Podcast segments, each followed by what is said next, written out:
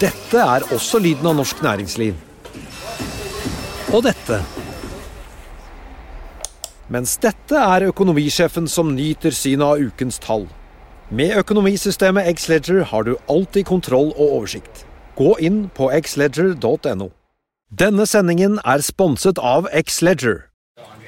Bedriften står foran et utfordrende veivalg, eller kanskje en krevende omstillingsprosess. Og alle snur seg til deg, som leder. Hvem kan du snu deg til da? I Nordea vet vi at også ledere trenger noen å spørre. Og at de beste beslutningene tas på et grunnlag av kunnskap, erfaring og ekspertise. Som din bankpartner er vi her for deg med råd og veiledning. For alt fra ansvarlig vekst til viktige omstillingsvalg. Så når alle spør deg, da kan du spørre oss. Finn ut mer på nordea.no, din bankpartner.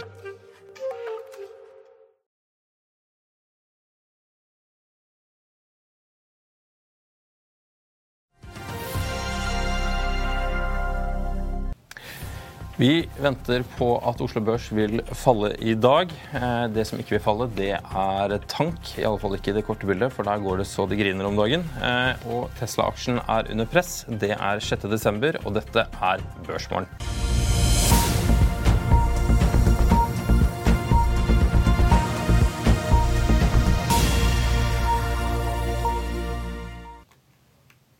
En riktig god morgen og velkommen til Børsmorgen her hos oss i Finansavisen. Jeg er Marius Mørk Larsen, og med meg har jeg Karl Johan Molnes. Det er ventet en noe røff start på børsdagen. Oslo Børs startet også dagen i går svakt, men steg noe utover dagen og ettermiddagen, før det roet seg igjen ned til rundt en 0,22% oppgang.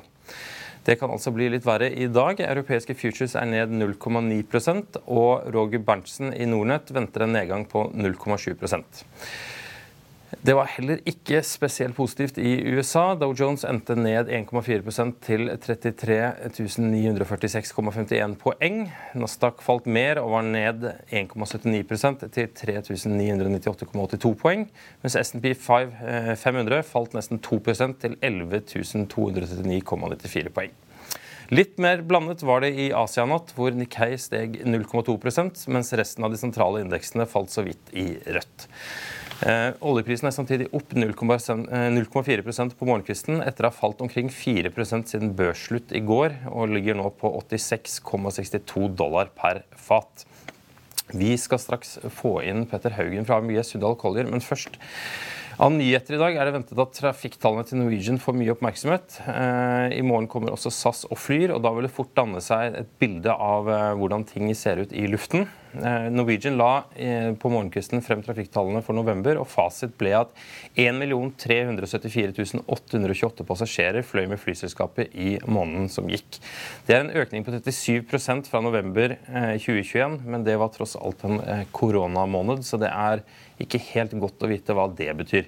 Fyllingsgraden for flåten totalt var på 79,5% mens den på rutene fra Norge til Sør-Europa var tett på 90 Og med det så ønsker jeg deg god morgen, Karl Johan. Takk for det, Marius.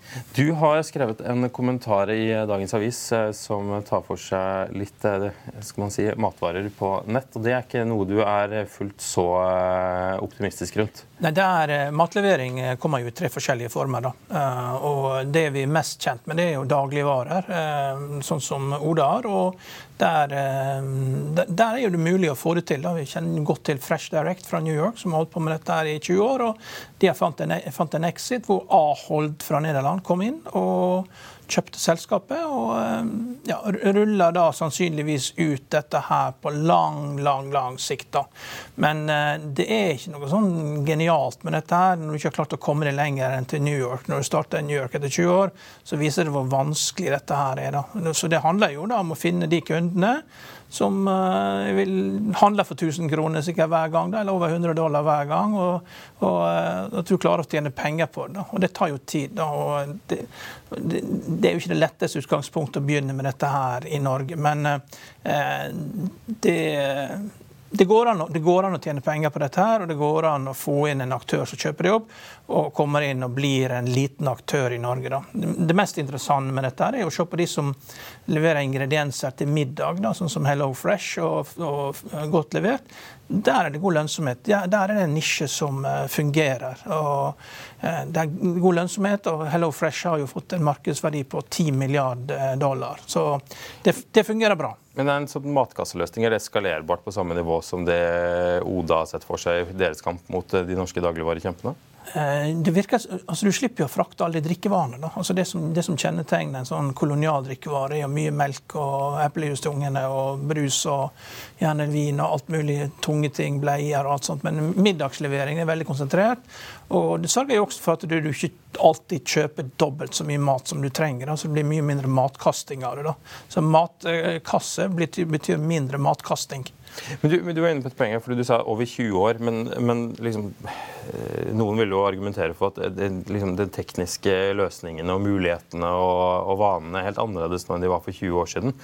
Eh, men liksom, likevel så tror du ikke helt at dette eh, har livets rett? Vel, for å si det sånn, De har jo ikke levert 2021-regnskapen ennå. og alle, altså Vi er jo bare et par uker, uker unna 2021 på 2020. Og Da er det to ting som, to ting som holder tilbake et regnskap. Det er at revisor ikke vil godkjenne det, eller at du har rot i regnskapene. En av de to tingene er det som gjør at et regnskap ikke blir godkjent. Men jeg vil jo tro det at det, det er såpass attraktivt at det kommer nye investorer inn, og at du da legger fram en ny strategi med litt mindre vekst, fokus på vekst, og at du eh, da får på plass det 2021-regnskap. Så kan vi se på hvordan det egentlig var, da. Men det er helt sikkert med tap. I kommentaren din så poengterer du jo, som du innledet her, også med at det er tre sektorer. Det er jo ja. da disse som leverer dagligvarer, så er det de som leverer ferdige middager, og så er det de som leverer fra restauranter. restauranter. Og det er den dårligste. Og det er det mest uh, sjokkerende med dette, her, at de taper veldig mye penger. Og eh, de er nødt til å skjerpe seg. altså Hvis ikke så overlever ikke dette. Og Vi har jo sett dette her før, også fra New York, at du hadde uh, online leveringstjenester og kioskvarer med Cosmo.com og Urban Fetch. og alle elsker disse tjenestene, så det er ikke noen god grunn god nok til at det skal overleve. Men når, når bear-markedet kom, så ble de borte. Altså. nå er vi i ferd med å gå inn i et bear-marked, og du er nødt til å tjene penger på dette. Så jeg tror, det, du, jeg tror de som jobber på museum, og sånn, bør ta bilder av disse Foodora-syklistene og Volt-syklistene, for det er stor sjanse for at de blir borte. For Det går ikke an å ha minus 10 til minus 30% bruttomargin, eh, nei, resultatmargin og, og fortsette til evig tid med dette der. Det er jo funde private equity, altfor mye penger tilgjengelig. Og Nå kommer pensjonskassen og banker på døra og så lurer på at private equity-fond hva de har brukt pengene våre til. og Det er ikke noe hyggelig svar. Det har vært my mye sløsing. Men det er OK å eksperimentere litt. Dette her ser ikke ut til å fungere. rett og slett. Du får ikke lønnsomhet på det. Men altså, For å drive et budfirma så trenger du i praksis et bud, en sykkel, en ryggsekk pluss en app. Ja. Hvorfor er dette så vanskelig å tjene penger på? Jeg vet ikke. Det virker som at de har, eh, budene har fått godt betalt, for de er fornøyde. så det, Budene har fått bedre betalt. Hvis du var, var kelner på en restaurant, så er det bedre betalt for bud. Så det ikke, det, er ikke det som er problemet. Altså, sier noen ja, men det er bare å ta mer betalt. Jeg tror, det, jeg tror, det, er veldig vanskelig å få til akkurat det. Altså. Når du taper så mye penger som alle disse firmaene har gjort, og, og, nå snakker vi både i pandemi og uten pandemi, altså du taper i sum for de tre største firmaene, da, som er Eh, DoorDash og eh, eh, Just Eat og, og Delivery Hero, så taper du liksom 3 milliarder dollar. Det er mye penger. Så det er store firmaer som taper mye penger. Så det, ja, og alle ser ut til å tape mye penger. Mm. Du har jo fulgt litt med i USA også, har du ikke det? Jo. Nei, nå er vi tilbake der vi var rett før ja, vi er tilbake der vi var omtrent mot slutten av forrige uke, før, før, Powell gikk eh, og hadde tale på Brookings Institute. og eh, det er jo service PMI-tallene som kom i går, da, som viser at eh, det kan være vanskelig å få ned inflasjonen. Dette er jo det som Powell har sagt, at alle går og sier til meg at inflasjonskurven peker nedover. og Roger Berntsen sa også det, at inflasjonskurven peker nedover. Men hittil har jeg ikke sett noe til det. Uh, så Han ønsker å se at det skjer. da. Hva er det han spesifikt ser etter? da? Han ser jo at det, eh, han, han ser at inflasjon bare går sideveis. Men det er liksom be careful what you wish for.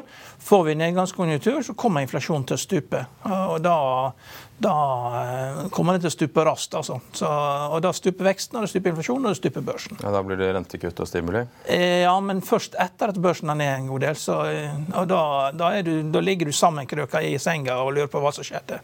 Ja, Vinteren har så vidt begynt, ja. med andre ord. ja. Jeg la også merke til en aksje som, vi, som, dere har snakket litt om her i høst. Det er jo Eller én, Tesla og Twitter. Ja. Det har jo det ble jo litt bråk rundt Tesla i går når det ble varslet at de kanskje måtte kutte i produksjonen i Kina, før Tesla skynder seg ut og sier at dette er jo slett ikke tilfellet. Ja. Hva er det som skjer med Tesla om dagen? Tesla er en veldig dyr aksje. og Der, der, der er rett og slett ikke kjøper i aksjene. Jeg har skrevet en kommentar om det også. at eh, Der penger går ut av ESG-fond, og da er det Tesla som er veldig mye av mandatet. Sånn diskresjonære ESG-mandater, hvis du får det som forvalter, så har ikke det vært så mange andre fornuftige ting å putte pengene inn i der det er likviditet og størrelse enn Tesla. Så da blir Tesla solgt. Eller du kan gi pengene til Bailey Gifford eh, eller et av disse store fondene da, som ikke har hatt altfor mye negativ publisitet. Men pengene vris ut av dette her og over i fastrentepapirer med kort løpetid. Men Hva er det som gjør at Tesla er altså En ting er at aksjen, aksjen er dyr, men er de ikke lønnsomme? Eh, de har relativt bra bruttomargin, og, eh, og, og de har sterk vekst, men det er en veldig dyr aksje. Så jeg så Business Insider hadde en, en, analyse av litt hvordan Der handlet det jo mest om hvordan Elon Musk potensielt sett kan begynne å flytte penger fra Tesla for å redde Twitter. Ja. Sånn som han har gjort tidligere, hvor han bytte SpaceX til å redde Tesla, eller eh, fusjonerte jo inn dette Solar City-systemet i, uh, i, i, resten av porteføljen osv. Ja. Kjøper opp her og der. Eh, men samtidig så har de jo også spekulert i om, om, hvor dårlig nytt er det hvis de må kutte i Kina. For det virker jo å være eh, det eneste markedet som er lønnsomt. Samtidig så var jo eh, Ford-sjefen har jo vært ute nå, for de skulle jo banke Ford skulle banke Tesla. De skulle ta dem. og nå må de jo backe litt tilbake på det. De har jo lansert denne pickupen som ikke fungerer i kulda, bl.a. Ja. Og jeg er veldig overraska over den greia der. De har jo nesten 30% bruttomargin, da, og vi bruker jo si det at det er jo, eh, Luksusbiler har jo 50% bruttomargin, og halve prisen er jo ren margin. og Alt, alt liksom over 25 det er jo fantastisk bra. og eh, Harley Davidson sine gulltider hadde 35% og folk var villige til å tatovere merket på, på, ryggen. Og det er litt det samme Tesla også. der Folk er villige til å tatovere merket på kroppen. Da er du i stand til å ta ut ganske bra margin. Ja, nå er jo folk som har drevet og tatovert på seg hodet til Kenny West også. De angrer jo på det om dagen, har skjønt. Så det er jo litt sånn problematisk. Jeg, tenkte litt på det fordi jeg satt og så dette intervjuet med han Ford-sjefen som sitter liksom og vrir, vrir, hodet for å finne ut av hvorfor Tesla tjener penger og de ikke gjør det. Så begynte jeg samtidig å tenke på British Leyland, som i 58 lanserte Minien. Og så De neste 18 årene så sitter tyskerne og vrir hodet for å finne ut av hvorfor er denne bilen lønnsom. De pilte fra hverandre den Golfen de skulle lansere 100 ganger. Skjønner ikke hvordan. Og så er det det at British Leyland selv oppdager at de har ikke tjent en krone Nei. på bilen fra 1958 til 1976. Nei, men det er halvparten av bilsalget i USA er jo SUV-er, som sånne store SUV-er som dess mindre folk er, dess større SUV skal de ha for å kjøpe butikken. Så det er jo helt vilt. Og det er klart, Der har de hatt veldig gode marginer. og uh, Hvis du har sett på NFL, så er det Ford F150-reklamer hele tiden. Mm. Du, klart, du, det er jo reklamens kraft. da. Det er ikke så mange eksempel på det i Norge at du klarer å få folk til å, å, å kjøpe et skikkelig dårlig produkt bare med å trykke med markedsføring. Det eneste jeg kan tenke på i Norge, der er jo Grandiosa pizza. da. At du liksom bare trykker på Du tvinger folk til å kjøpe ting som egentlig ikke er godt. Ja, Eh, en ting som går godt, derimot, det er eh, tank om dagen. Vi skal ta en liten pause, og etter det så skal vi ha et Petter Haugen fra ABG Sundal Collier, som er analytiker. La oss i Finansavisen hjelpe deg med å holde deg oppdatert på alt som skjer i finans og næringsliv. Hver morgen er jeg, Marius Lorentzen, og aksjekommentator Karl Johan Målnes på plass i studio for å ta tempen på dagens marked i Børsmorgen. På ettermiddagen oppsummerer vi alt du trenger å vite i Økonominyhetene, og så får vi selvfølgelig besøk av masse interessante gjester. Du finner oss på fa.no-tv, eller ved å søke opp Børsmorgen og Økonominyhetene der du hører på podkast. Many of us have those stubborn pounds that seem impossible to lose, no matter how good we eat or how hard we work out. My solution is PlushCare. PlushCare is a leading telehealth provider with doctors who are there for you day and night to partner with you in your weight loss journey. They can prescribe FDA-approved weight loss medications like Wagovi and Zepbound for those who qualify. Plus, they accept most insurance plans. To get started, visit plushcare.com slash weight loss. That's plushcare.com slash weight loss. Dette er også lyden av norsk næringsliv. Og dette. Mens dette er økonomisjefen som nyter synet av ukens tall.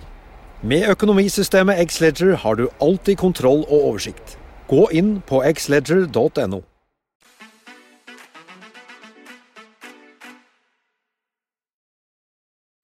Petter Haugen, du var her i begynnelsen av eh, november og eh, fortalte min kollega Ove Haugen at du var fortsatt bull på tank. Det var det åpenbart god grunn til. Nå er det en måned senere, og fasit viser jo at det hvis man hørte på deg for en måned siden, så har man tjent penger på det.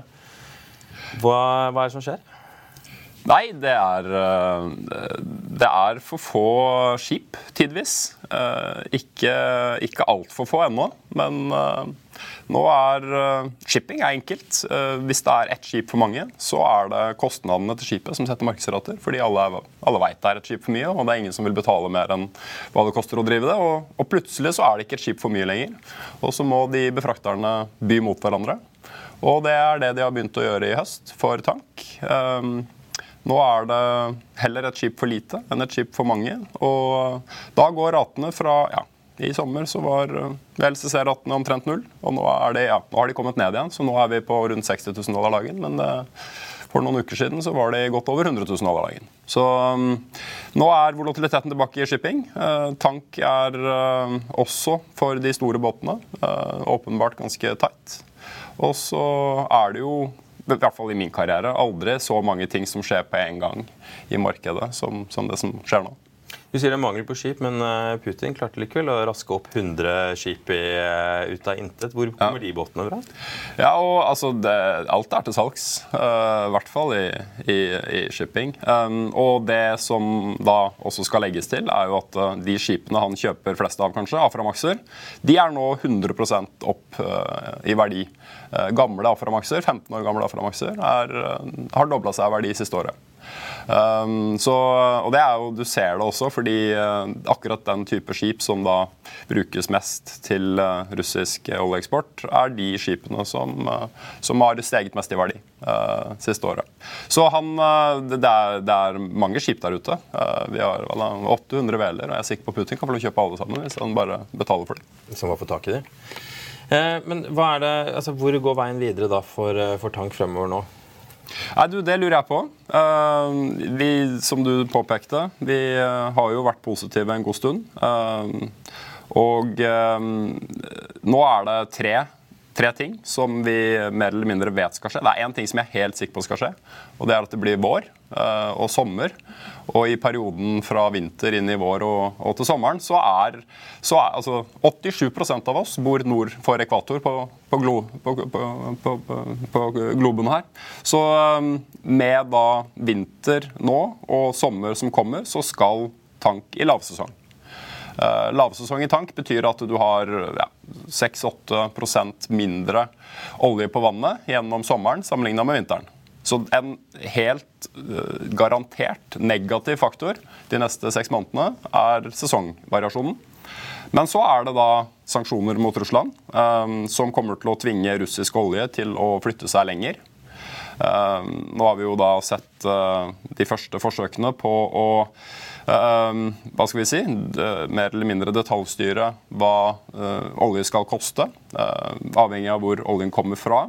Eh, det ser vel ut som at eh, det pristaket var omtrent eh, akkurat så høyt at det egentlig ikke spiller noen rolle, sånn som ting står seg nå. 60 dollar er omtrent det Urals og andre russiske kvaliteter har treda på de siste månedene. Men det som kommer til å skje, og som nesten er ja, umulig å se for seg ikke skal være positivt, er at russisk olje må flytte seg lenger. Uh, og så er det den tredje biten, uh, som da på andre siden av verden. Uh, amerikanske strategiske petroleumsreserver de har trukket kraftig over de siste ja, egentlig et år nå. Begynte å trekke det sånn markant i, i fjor. Eh, men gjennom de siste månedene så var de jo eh, oppe i rundt 800 000 fat med daglige trekk eh, fra SPRs. Det har vært en positiv bidragsyter til amerikansk oljeeksport. Amerikansk råoljeeksport er nå høyere enn hva den noensinne har vært. Og det er, syns jeg, kanskje fremdeles det punktet i analysen som, som man må ta inn over seg. USA er nett long olje.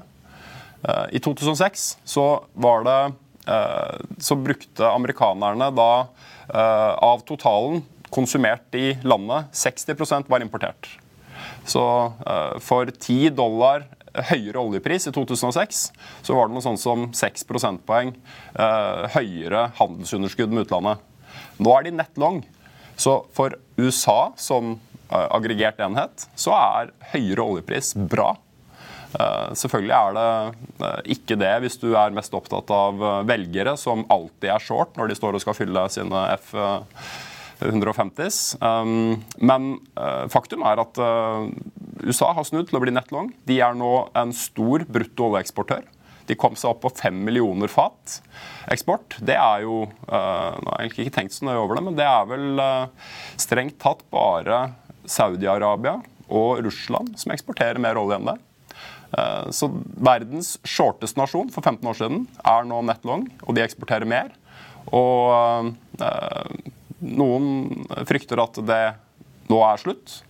Eh, jeg har ingen voldsomme overbevisninger, men når du ser på, på dataene, så er det veldig vanskelig synes jeg, å ikke se for seg at om fem og ti år så er USA en enda større nettoeksportør. Og de ligger antipodisk plassert i forhold til Asia som er det eneste stedet hvor vi skal se markant eh, etterspørselsvekst av fossile brensler over de neste ti årene. Og så har du en stat som holder et prisgulv på 70 dollar fatet. De har sagt de skal fylle opp igjen lagrene. Så det gjør jo det mye tryggere å bygge ut kapasitet og tryggere for banker å låne ut. Eh, Iallfall i en periode når du vet at de ligger der og skal kjøpe. Altså, jeg synes Det der er jo et underkommunisert punkt eh, i totalanalysen her. fordi Tilbake til at USA nå eh, trenger ikke strategiske reserver.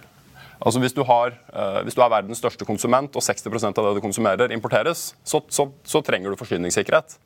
Nå er de nett long. De, de, trenger ikke strategiske reserver som de gjorde for bare ti år siden. Um, og nå bruker de det taktisk. Hvorfor ikke bruke liksom, er, uh, altså, Hvis du fyller opp alle strategiske reserver i USA, så tror jeg du er på rundt 700 millioner fat. Ja. Uh, 700 millioner fat med lagerkapasitet. Det kan du bruke tror jeg, taktisk i, eh, i, et forsøk på å underbygge egen industri. da. Så ja, jeg er helt enig. Men, men samtidig så er det, den oljen er jo veldig lett. da, så Du trenger jo, du åpner jo opp for Venezuela for å komme med tung olje og blande ja. så du får, For, for miksen av produktet gir jo ikke den samme bredden som du har hatt før. da, Så det er jo et problem. Ja, eller problem, ja. Eh, men det er på mange måter et luksusproblem. Ja. Altså, Verden trodde jo den var tom for lett, søt olje ja. da vi kom inn på 2000-tallet. Eh, og amerikanske raffinører de utvidet jo sin kapasitet for å kunne da ta inn Midtøsten-olje og andre uh, oljekvaliteter som er typisk uh, ja, som, har, som, har, høyere tetthet. Da. lavere API, som man sier i, markedet. for å da prosessere den og bruke den i USA. Men når US Shell-revolusjonen, det, det er bare 15 år siden den virkelig begynte å å eh, liksom eh, virke. Og da virket den først på gass, og det er først de siste ti årene egentlig at det har vært ordentlig sving på oljeproduksjonen der borte som følge av Shell. Eh, men, men, den er mye lettere. Så det er jo en, en, av de tingene jeg tror kan være en ventil i tankmarkedet når vi ser inn i 2024-2025. PT så er ordreboken, bare for å oppsummere veldig kort, det er ikke skip i ordre. Eh, det bestilles fortsatt ikke skip. Eh, og i 2024 så tror jeg det er for få tankskip der ute. Men en av de ventilene som da kan være der, er nettopp at USA må rett og slett akseptere at eh, raffinerigjennomstrømningen sin er ikke optimal. De må bruke mer hjemmeprodusert olje for å da eksportere mindre. Eh, men enn så lenge så er det riktig det, Karl Johan. Det er eh, lønnsomt for USA å heller eksportere sin hjemmeproduserte, lette, høykvalitets olje og fortsette å importere eh, de tyngre kvalitetene. Eh, litt tilbake igjen til det du snakka om her i stad, med det pris, pristaket også. Mm. Det virker som du ikke tror på pristaket har noen funksjon? Eller jeg tror. Jeg bare observerer hva markedet gjør. Uh, og når markedet fikk høre at uh, det var snakk om 60-65, så, var, uh, så var prisen ganske kraftig ned. 4-5 dollar på, på nyheten omtrent, hvis jeg husker rett. Det er noen, noen dager siden det nå. Men det er jo fordi at man har valgt et pristak som i praksis ikke vil forhindre russisk produksjon i nevneverdig grad, rent økonomisk. Og med da russisk produksjon omtrent as så, så, er det mer olje i markedet for de neste månedene og kvartalene enn det markedet trodde på daværende tidspunkt. Um, jeg syns jo det er interessant å se de store analysebyråene, spesielt IEA, altså OECD-landenes eget lille eh, egen lille tankesmie. De ligger hvis jeg husker rett nå, inne med 1,3 millioner fat lavere russisk produksjon i 2023 sammenlignet med 2022. Um, og når du snakker med andre markedsaktører, så syns jeg det er veldig vanskelig å uh, finne andre som virkelig tror at russisk produksjon skal falle så mye. Hvis vi hopper litt ned på aksjenivå hvilke, altså vi, snakket her i åpningen om at uh, Powell tror ikke at dette er over med det første. Det kan jo tegne på at ting kan bli røft. Hvis, hvis du sitter som, uh, som, investor nå, uh, hvor søker du trygg havn i dine aksjer? Det finnes ikke trygge havner i shipping. Men sist, sist, sist du var der, så, så, snakket du veldig varmt om Okeanis eh, ekotanker. Så mm. Der er kursen 184, du har kursmål 402. Mm. Hvorfor er det den aksjen er så billig i forhold til at andre tankmarked er så sterkt? Eh, ja, eller Det er ikke det at den er så billig lenger, men det er jo, sant, vi starter ut med at den handler til en rabatt til substansverdi i dag. Eh, men den rabatten har jo kommet kraftig inn. Den var vel 30% pluss, og nå er vi kanskje i ja, 10% territoriet. Um, men det som jo skjer, er at som vi snakket om innledningsvis, uh, Putin kjøper skip, og andre kjøper skip, og prisen på skip går opp. Uh, underliggende substansverdi i alle rederiene stiger. Og det er en, ja, ingen trygg havn, men det er en veldig god korrelasjon mellom rater og, verdier. I Okeanis så eier du da store skip, velere og susmaksere, VLCC-ere og susmaksere, som er de skipstypene som hvis det, min, vår analyse er rett, så er det der du virkelig kommer til å tjene penger i 2024-2025. Um, og når jeg da putter dette inn i, inn i modellverket, så, så, er det der også oppsiden på både skipspriser og inntjening er, er størst. Men det er, altså, det er fascinerende. Nå er altså MR-rater, produkttankerater, 50 000 dødvekt-typer skip. Disse VLCC-ene er da altså seks ganger større. 300 000 ca. Men nå er da disse 50 000 tonn-skipene de tjener 70 000 dollar dagen pluss nå. Altså, så, og det er jo ja, På et sett og vis så kan du gange det med seks. Da Da har du 400 000 da, i, uh, i VLCC. Ja. Så det, det, det, er ganske spinnvilt der ute i dag. Eh, men eh, nå er det, bare for å understreke, det, er, eh, det var 13 måneder uten at det ble ett eneste stort tankskip bestilt nå, fram til det ble bestilt to i august. Og etter det er det heller ikke bestilt noen. Forrige, Den lengste perioden forut for det uten bestillinger, rett etter finanskrisen, seks måneder uten VLCC-bestillinger. Nå, altså, nå, var det 13 måneder. Det hadde vært 19, hvis det ikke var for disse to som kom inn i ordreboka i august. Så uh, denne gjennomgripende karbonaversjonen man ser uh, across alt, den gjør seg virkelig gjeldende når det kommer til spesielt da stortank, hvor du det er veldig vanskelig å overbevise seg selv om at du skal kjøpe noe som er 100% karboneksponert med 25 års levetid i dag. Um, og for å gjøre det, så må du ha et veldig kraftig prisinsentiv. Så det er jo det vi venter på, da. Du var jo på scenen på Investordagen. Da ja. snakka du om container. Ja. Jeg syns du ser skummelt ut. Ja. Og skumlere har det vel blitt siden da? Ja, eller containermarkedet har uh, Altså, det er jo to ting som har skjedd. Uh, eller det er for så vidt flere, men uh, den ordreboka bygde kraftig i perioden med veldig høye rater, som shipping vanligvis gjør. Og ordreboka står nå bortimot 30% av flåten. det er for så vidt sånn som en prosentandel av flåten, så er ikke det så høyt. Men uh, containershipping har også en lavere strukturell vekst enn hva det hadde uh, i, ja, gjennom 2000-tallet og, og i hvert fall forut for Lehmann-krise. Uh, så der kommer det til å være, på våre estimater, veldig lav kapasitetsutnyttelse i 2025. Og hvis ikke det skjer et eller annet på kapasitetssiden som, ja, som som holder tilbake kapasitet, da, rett og slett, så kommer de ratene til å være oppvekst i 2020. Andre halvdel 2024 inn i 2025 så blir det potensielt vekstbart i container. Hva er mest interessant å kjøpe av tørrbulk og eh, LPG nå? Det er et godt spørsmål. Tørrbulk er Ja, i, i tørrbulk så meldte jeg meg egentlig litt ut i sommer, hvor jeg skrev at uh, tørrbulk er in the, in the, hands of China. Uh, så det er helt binært, uh, tror jeg, med uh, med utgangspunkt i hva som skal skje i Kina over de neste månedene og kvartalene.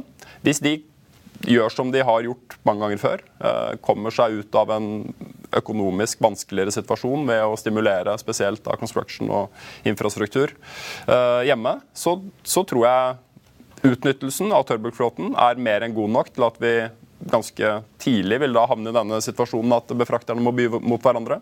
Ratene kommer til å stige, og disse 20-30 rabattene du har i aksjene i dag, sammenlignet med substansen, den kommer til å forsvinne ganske snart. Og så er det eh, så er kanskje tørrbulk det segmentet som på relativ basis kommer til å performe best gjennom 2023. Eh, LPG har en helt annen strukturell støtte. LPG-shipping um, kommer med en høy flåtevekst for 2023.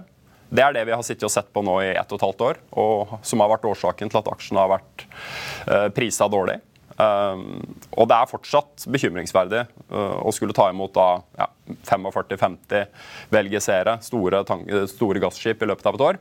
Men uh, underliggende produksjonsvekst igjen. USA har vært den store game changeren for LPG-shipping. Uh, og underliggende produksjonsvekst på gass og NGLs er, er, ser veldig god ut. Eh, til tross for at eh, eksporten vokser støtt og stadig, så er lagerbyggene på propan spesielt nå over de siste ukene i USA. Sterkere, mye mye sterkere enn hva de burde være, sesongen tatt i betraktning. Så underliggende produksjonsvekst ser veldig sterk ut. Um, og uh, i tillegg så er det uh, spesielt i Panamakanalen uh, ikke plass til alle de LPG-lastene som ville gått gjennom der. Så de blir liggende og vente, og noen går sågar den lange veien nedom Afrika til Asia.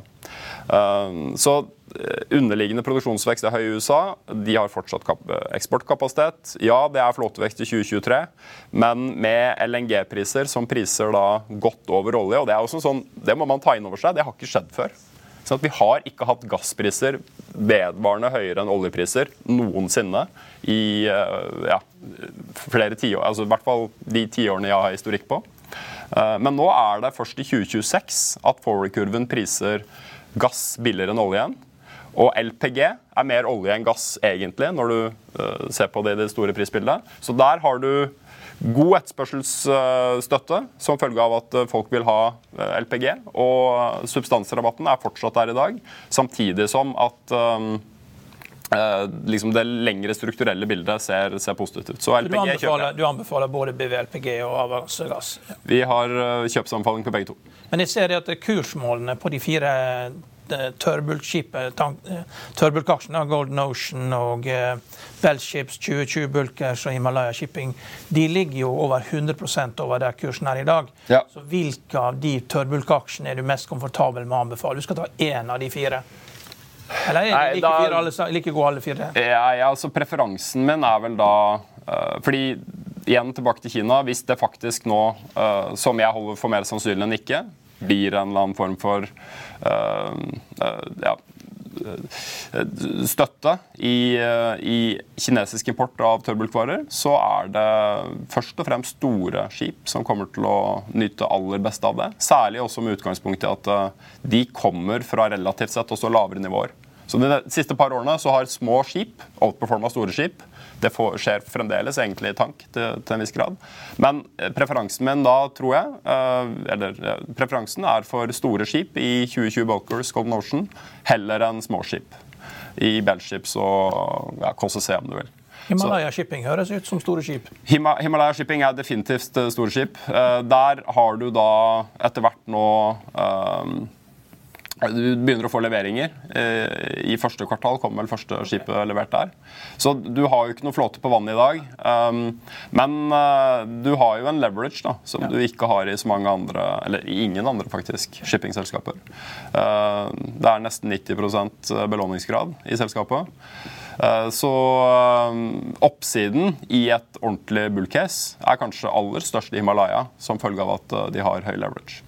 Vi snakket jo litt om Tesla her i starten, og det leder meg jo kjapt over i bilfrakt. Ja. fordi akkurat, akkurat, nå så er det jo gull å drive med bilfrakt, for nå står det jo bilen, nå, nå får du ikke tak i en båt for å få alle bilene Nei, før, det gjør du ikke. før 1.1. Men i det litt sånn lengre bildet, hva tenker du om bilfrakt da?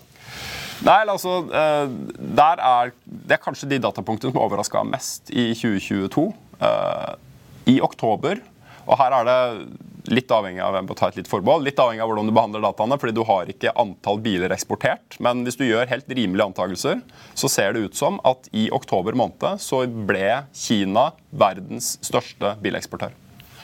Uh, og det er ganske merkverdig med tanke på at du for 18 måneder siden uh, var ikke en nobody, men uh, en, en, eksportør som hadde 50 60 70 000 biler i måneden, nei, jo, i måneden eksportert. Nå i oktober så er det nesten 400 000 biler. Så altså På årlig basis da, så vil nå Kina eksportere run rate ja, rundt 4 millioner biler i året, som er mer enn Tyskland og Japan og Sør-Korea og alle andre. Um, og de bilene har nok uh, ikke bestilt transportkapasitet. Altså den, den bileksporten uh, har ikke planlagt for eksportkapasitet på samme måte som uh, sørkoreanerne og japanerne har gjort nå i flere tiår.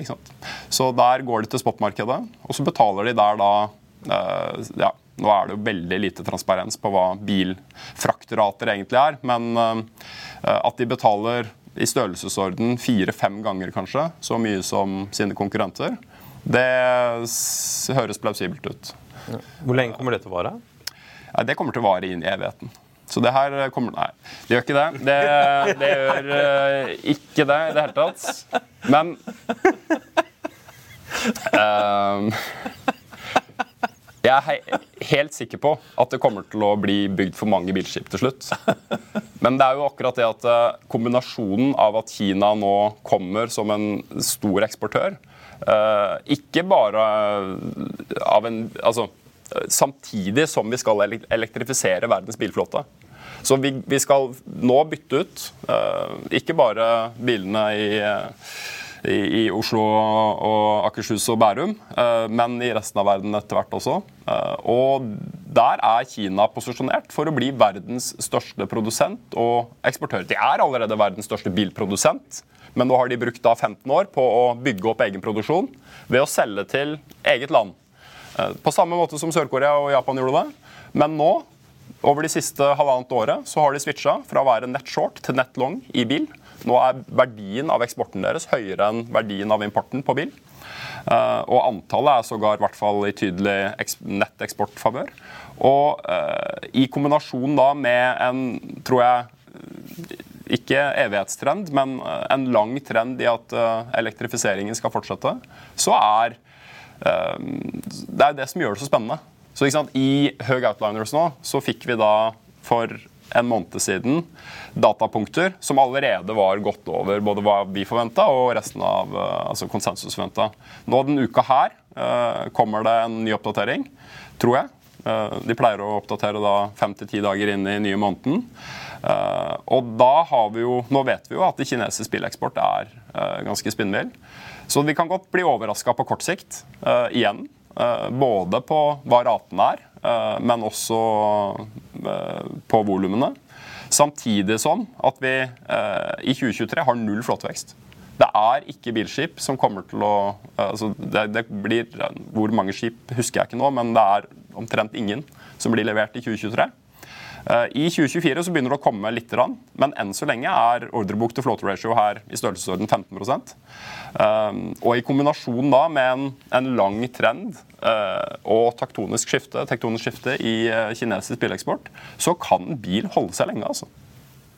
Bette Haugen, tusen takk for at du kom i studio. Takk for meg. Det var det vi rakk. Hvis du ønsker å høre denne sendingen, så kan du høre den som podkast der du hører podkast. Hvis ikke, så dukker den opp tilgjengelig på fa.no slash tv i løpet av en halvtime etter sending. Eh, med det så tror jeg vi skal si at det var Børsmorgen for 6.12. Husk å få med deg økonominyhetene klokken halv tre. Og i mellomtiden kan du se siste nytt på fa.no gjennom hele dagen. Vi ønsker deg en riktig god dag, og takk for nå.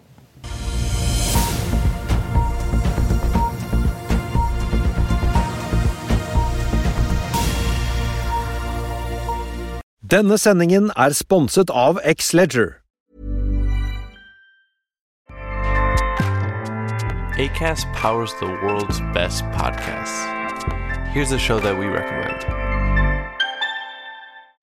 This is Roundabout Season 2, and we're back to share more stories from the road and the memories made along the way.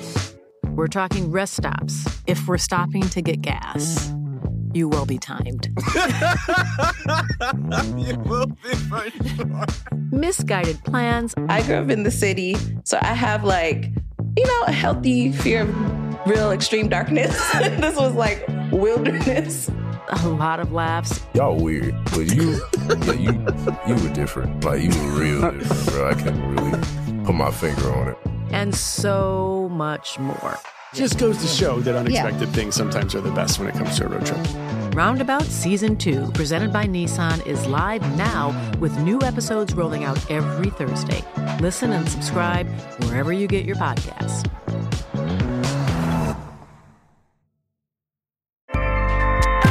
ACAST helps creators launch, grow, and monetize their podcasts everywhere. ACAST.com. Økonominyhetene er en podkast fra Finansavisen. Programledere er Marius Lorentzen, Stein Ove Haugen og Benedikte Storm Bamvik. Produsenter er Lars Brenden Skram og Bashar Johar. Og ansvarlig redaktør er Trygve Hegnar.